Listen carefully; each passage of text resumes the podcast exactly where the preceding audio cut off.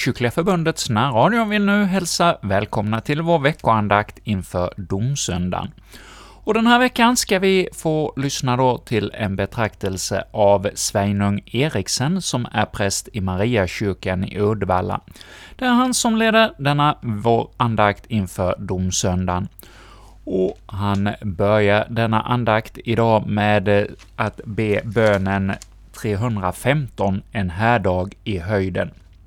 Och efter andakten ska vi sen då få höra Sven Österberg sjunga samma psalm för oss. Men nu direkt till den bön som eh, inleder denna andakt.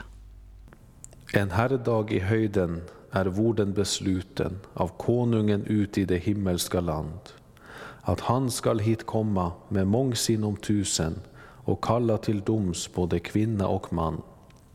Med änglarnas röst, det trogna till tröst, med sviande styng i de otrognas bröst. Ack mildaste Jesus föröka oss trona, att vi må beredda och vakande stå, att vi ej bort mista vår salighetskrona, och att vi din nåd ej förlustiga gå. Och räck oss din hand, vår frälsare man, och för oss till himlens lycksaliga land. Amen.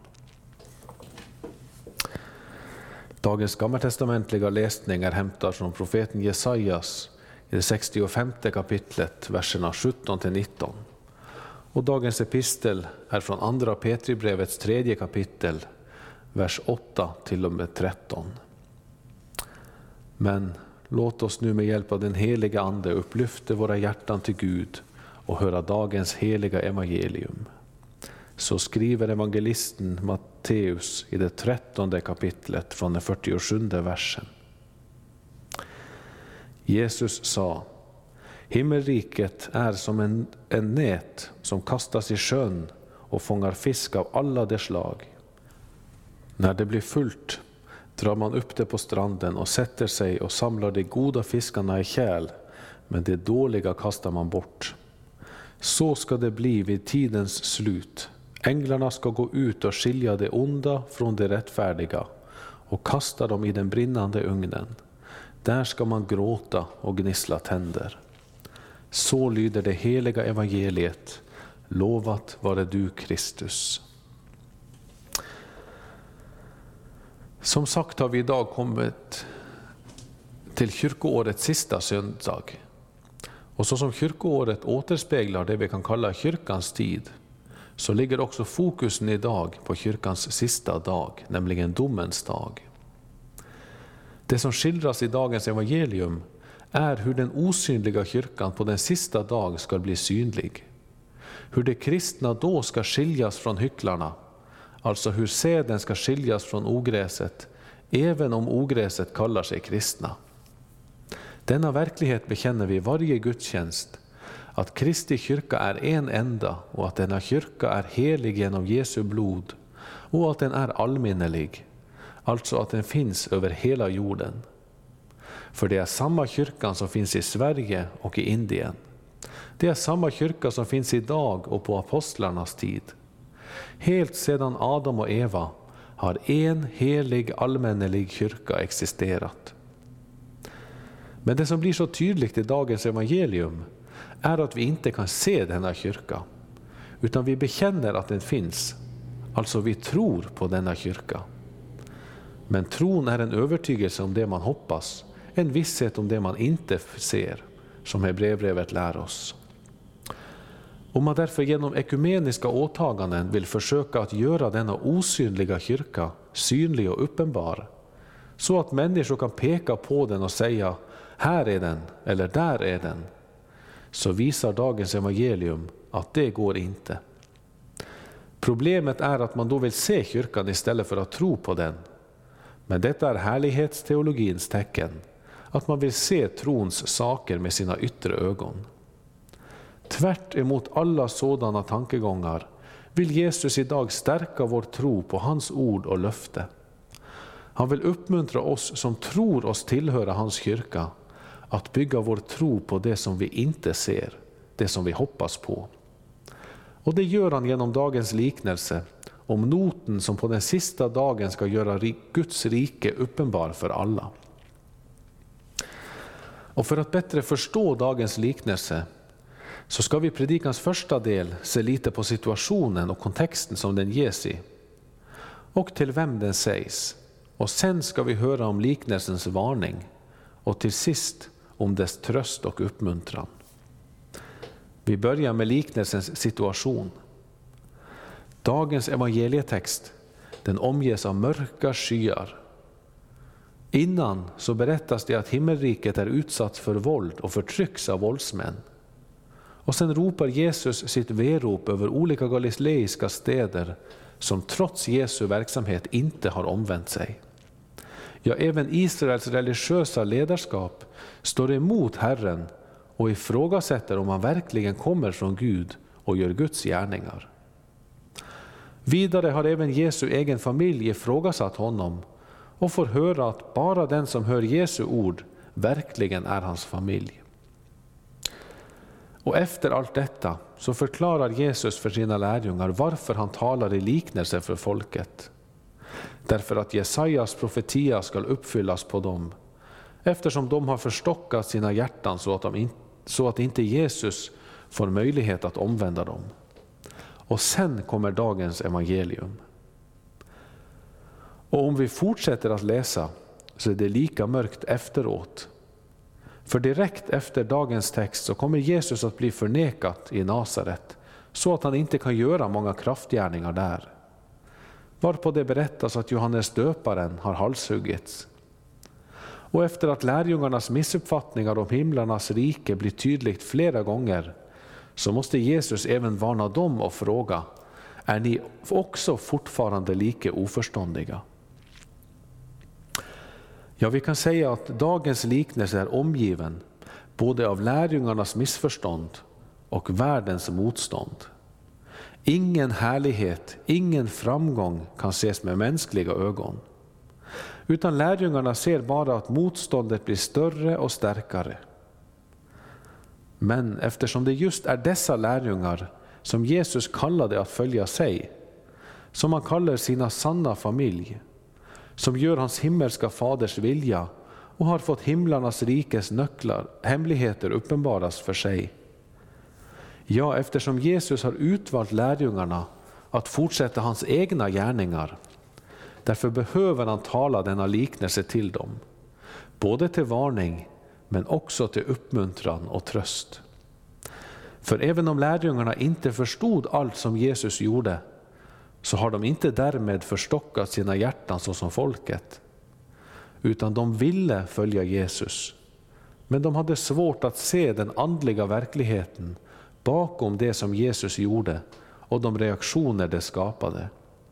Därför behöver Jesus undervisa dem grundligare. Och orsaken till att just lärjungarnas situation är viktig är för att dagens liknelse är talat just till dem.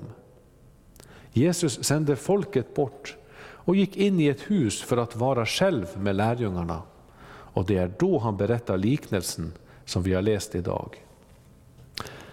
Och vilken varning som finns i den, det ska vi nu höra om i predikans andra del. Och eftersom Jesus talar till sina egna lärjungar så blir varningen allvarlig också för oss som kallar oss lärjungar idag. För Jesus gjorde lärjungarna till människofiskare och bland deras fångst finns vi som tror.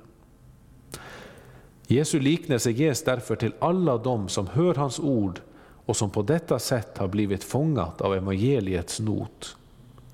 För bland alla dessa som bekänner sig som kristna så finns det fiskar av de alla slag, både goda och dåliga. Det är inte så att de som är innanför våra kyrkväggar automatiskt är goda och de utanför är onda. Nej, det står betonat i texten att det är bland de rättfärdiga att de onda ska skiljas ut. Alltså mitt bland samlingen av de heliga finns hycklande människor som kommer att ryckas bort och kastas ut vid tidsålderns slut. Här i tiden, i våra kyrkorum, kan de se likadana ut. Ja, så lika att vi människor inte förmår att skilja dem. Därför låter Herren sina heliga änglar skilja dem. Vi som är kristna och har Guds ande i hjärtat, vi kan se kännetecken, men någon klar och entydig dom kan vi inte fälla. Och därför är alla våra försök på att döma människors hjärtan fel. Det vill säga, alla försök som går längre i bedömningen än att hålla sig till yttre ord och gärningar. Och det gäller båda om vi dömer ut människor som hycklare, men också om vi dömer dem som sanna kristna. Om vi till exempel säger att alla döpta eller alla medlemmar i en viss kyrka därmed hör till de goda fiskarna av himlarnas rike. Nej, domen hör Herren till. Att försöka ta denna dom i egna händer är farlig. För om vi felaktigt dömer ut någon som dålig fisk, så kan vi komma att driva bort deras frimodighet och föra dem på fall, så att de faller ifrån sin tro. Och om vi felaktigt bedömer någon som goda fisk, fiskar, så kan vi skapa falska kristna som i sin falska säkerhet slår från sig Guds kall till omvändelse och därmed går förlorad. I båda fallen fäller vi en dom vi inte har rätt att fälla. Och i båda fallen tar vi bort allvaret i Jesu varning till oss idag. Bibelns ordning med kyrkotukt kan i vissa yttre fall skilja ut dem som med liv och bekännelse förnekar livets ord. Men även denna ordning är oförmögen att rensa ogräset ut med. Och därför varnar Jesus så som han gör idag, så att vi var och en får pröva oss själva på Guds ord. För som vår episteltext säger, så väntar Jesus med denna slutgiltiga urskiljning, därför att han har tålamod med oss människor. Han vill ge oss alla tid att omvända oss. Och till det ändamål är det Jesus vill ställa sin fråga till dig som lyssnar på idag. Vilken fisk är du? Vad om du skulle kastas i den brinnande ugnen? Och det här är en allvarlig fråga Försoningsmannen sår Guds ord i fyra olika typer av jord, men bara en bär sann frukt. Tio jungfrur väntade på brudgummen, men bara fem hade olja i lampan. Ja, Jesus säger idag att många olika typer av fisk fångas i noten. Gud gör inte skillnad på folk, men bland dessa är det bara en del som är god och resten ond. Men tyvärr så går det ofta som Luther har sagt, att de som inte behöver denna varning, som lever av Guds ord, ångrar och bekänner sin synd inför Herren och lever av förlåtelsen, som hämtar sin näring av hoppet om de dödas uppståndelse för Jesu Kristi skull. Sådana, säger Luther, blir ofta oroliga och tvivelaktiga när varningen ljuder. Men å andra sidan de som borde ha omvänt sig från sina dolda synder, som borde uppväckas av Jesu varning om ett evigt strafflidande, de är däremot så säkra och trygga i sin falska tro att de inte ens frågar sig hur det står till. Istället sitter de kanske och undrar hur sidomannen har det. Men Jesaja gör det klart att Kristi nådelöften är till ingen hjälp för den vilkas öron inte hör och vilkas ögon inte ser. Den som inte har sett att räddningen för mig är att Guds son kom för att frälsa syndare, därför att jag är en sådan. Och att man inte automatiskt är säker på att vara bland de rättfärdiga, även om man skulle vara kallad till präst, biskop eller av Jesus Kristus själv till att vara en av de tolv. Frågan är om man älskar Jesus eller världen om man älskar synden eller honom som frälser från synden. Ja, djupast sett är frågan om man genom tron på den enda rättfärdige som dog för våra synders skull och uppväcktes till, våra, till vår rättfärdiggörelses skull, om man tror på honom eller inte. För frälsningen är av nåd, men domen sker enligt våra gärningar. Det vill säga, om vi vid tidsålderns slut av änglarna blir samlat i välsignelsens kärl, så är det enbart av nåd. Vi kan inte göra något för att förtjäna att komma dit. Men kastas vi i den brinnande ugnen, så är det enbart på grund av våra gärningar. Då är det våra egna synder som får sitt straff, som innebär evigt gråt och gnisslande av tänder. Ja, denna text ges oss på kyrkoårets sista söndag. Vore det därför bara en dag i året då du ställde frågan till dig själv, vilket slag är jag? Så vore denna dag en bra, ett bra tillfälle. För skulle du först idag få visshet om att du är en god levande fisk, som i strömmen av syndens frestelse och förförelse simmar motströms. Först idag fick visshet om att du är rättfärdig genom tron, även om du har flutit medströms så allt för mycket. Därför att Jesus Kristus för din skuld levde i motstånd mot djävulens frestelse, att han gav sitt liv för alla fiskar, både goda och dåliga, och att han gjorde det enda som kunde bli vår räddning. Att han betalade vår skuld genom att utgjuta sitt eget blod som ett försoningsoffer till Gud och tog vår plats i den brinnande ugnens fasor. Ja, den som först idag får inse att Jesus inte behövde göra detta för sin egen skuld, utan att det var för din och min skull. Han får glädja sig när kyrkoåret börjar om. Han får fira advent och härlighetens konung som kommer saktmodigt ridande på en åsna. Han får glädja sig vid jul när vi firar att Guds son tog på sig kött och föddes som människa. Ja, han får se till påskens budskap om hur Jesus uppfyllde hans rättfärdighet och hur pingstens under spred evangeliets not ut över hela jorden för att nå ändå upp hit till Sverige så att alla människor skulle få höra att det var för deras skull som Jesus led och dog, därför att han ville sanka oss samman till sitt rike. Ja, kort sagt, skulle du inte innan idag verkligen fått nåd att höra detta, så skulle det likväl inte vara för sent. Ikväll vet vi inte om jorden står, men här och nu låter Jesus sitt evangeliums not dras över Sveriges folk.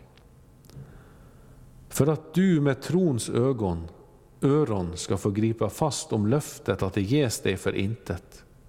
Så att du ska få leva ditt liv i glädjefull väntan på Herrens återkomst, när han kommer för att hämta dig hem. Men om detta inte angår dig och du vägrar omvända dig, om du därför kastar Jesu varning ifrån dig så kan det mycket väl vara att du får sitta bland Herrens trogna hela ditt liv och inte för domedagen får ögonen öppnad för vad Jesus, Guds lamm, gjorde för dig när han bar dina synder upp på korsets träd och där utstod domen för din skull. Men då kommer det också att vara för sent. När Herrens heliga änglar lyfter bort dig på domens dag och kastar dig i den brinnande ugnen, då är det för sent att tänka om. Av alla insikter i evigheten måste detta vara den värsta, att jag omvände mig för sent. Jag njöt av syndens lyster för länge och aktade inte min nådatid. Ja, än idag vill Jesus varna alla sina lärjungar om de två utgångarna. Men han vill också uppmuntra och trösta sina hungrande och törstande lärjungar som frestas att falla i missmod och hopplöshet. Och det ska vi höra om i vår tredje del, om Jesu tröst och uppmuntran. Som vi sa i början så var det mörka skyar på horisonten för lärjungarna när de vandrade med Jesus. De missuppfattade så mycket av det som skedde och behövde ledas rätt igen och igen men trots sitt missförstånd så fortsatte de att följa Jesus. De hade kallats av Herren själv. De hade lämnat allt för att följa honom.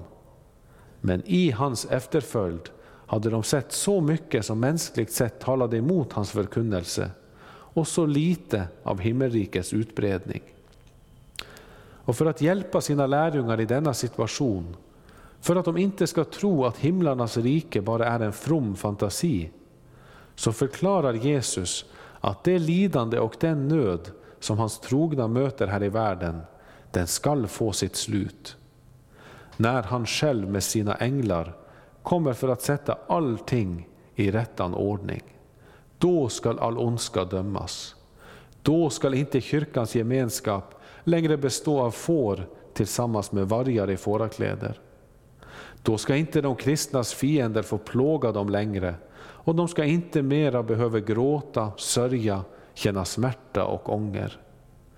Utan när Jesus kommer åter för att skilja ut de onda, då ska han sanka samman sina lärjungar och de ska få vara med honom. Då, säger den gammaltestamentliga texten, ska man ej mer komma ihåg det förgångna eller tänka på det. Utan då ska Jesus torka bort varje tår från deras ögon. Då ska de inte mera behöva frukta för djävulen, utan ska få gå in till en evig sabbatsvila. Ja, då ska de fröjdas och jubla till evig tid över det som Herren skapar. För i den himmelska festmåltid skall all hunger och törst efter rättfärdighet vara uppfylld. Jesus försäkrar oss alltså att när vi ser hur mörkrets skyar kan komma emot oss även idag, när Guds rike synes minska och främmande religioner vinner fram, när vi helt enkelt ständigt måste vara på vakt och vaka, då vill han lyfta upp våra ögon så vi får se vad det är som kommer efter allt detta. Jesus vill att era hjärtans ögon ska upplysas så att ni förstår vilket hopp han har kallat er till och hur rikt på härlighet hans arv är bland de heliga och hur oerhört stor hans makt är i oss som tror därför att hans väldiga kraft är verksam, som Efesierbrevet säger. För om vi är styrkta i detta hopp kan vi även, så som Romarbrevet säger, berömma oss mitt i våra lidanden, eftersom vi vet att lidande ger tålamod, tålamodet fasthet och fastheten hopp.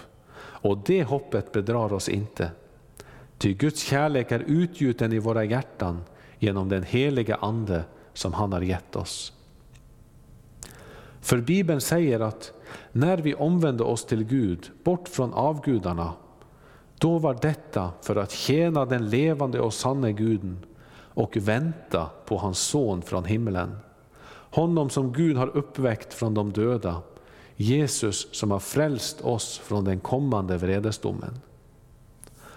Våra kristna liv här på jorden handlar alltså om att vänta på Sonen och denna tidsålders slut. Och just till detta ändamål vill Jesus styrka alla sina lärjungar.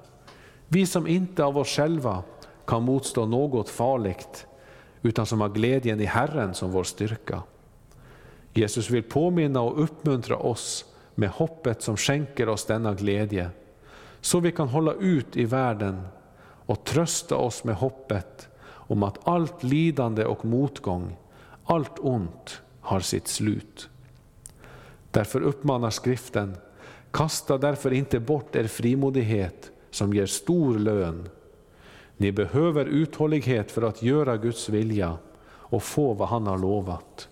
Ty ännu en kort liten tid, så kommer han som ska komma och han ska inte dröja.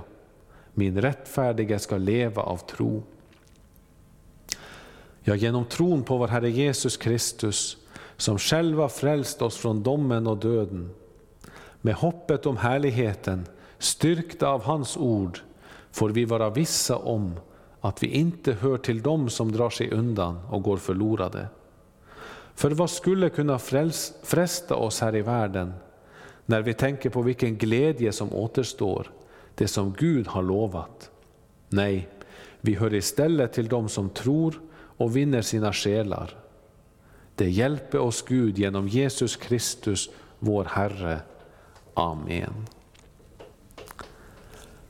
Låt oss bedja. Fader vår som är i himmelen. Helgat var det ditt namn. Tillkomme ditt rike. Ske din vilja så som i himmelen så och på jorden.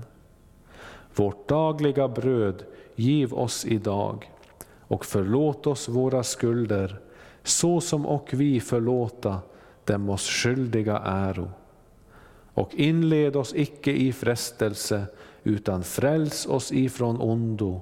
Ty riket är ditt och makten och härligheten i evighet. Amen. Tag emot Herrens välsignelse. Herren välsigne er och bevare er. Herren låte sitt ansikte lysa över er och vare er nådig.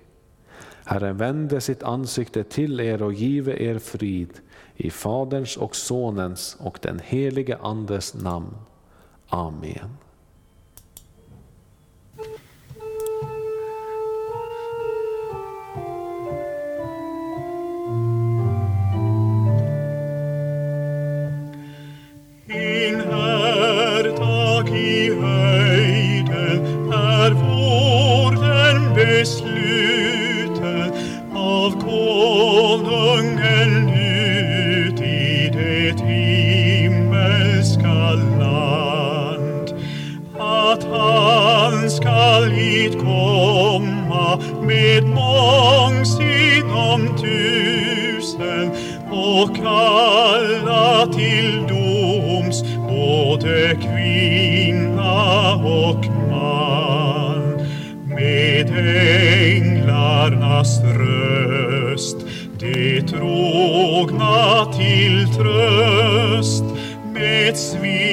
Svidande stygn i de otrognas bröst. Ack mildaste Jesus, föröka oss trona att vi må beredda och vara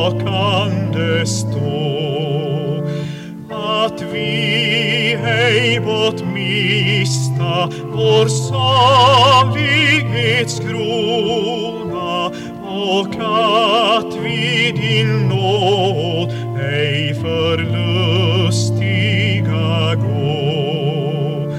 O räck oss din hand, vår frälsare man, och för oss till himlens.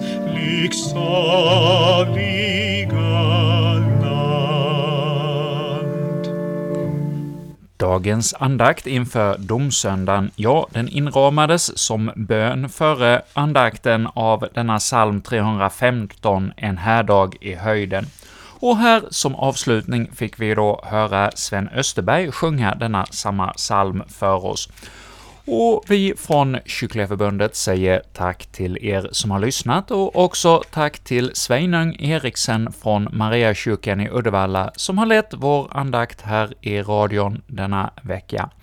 Och ja, ni är alla välkomna tillbaka att vara med och höra vår veckoandakt återigen om en vecka. Då kommer vi här i radion att få lyssna till eh, Kristoffer Helle från Borås, som då leder vår betraktelse här i radion.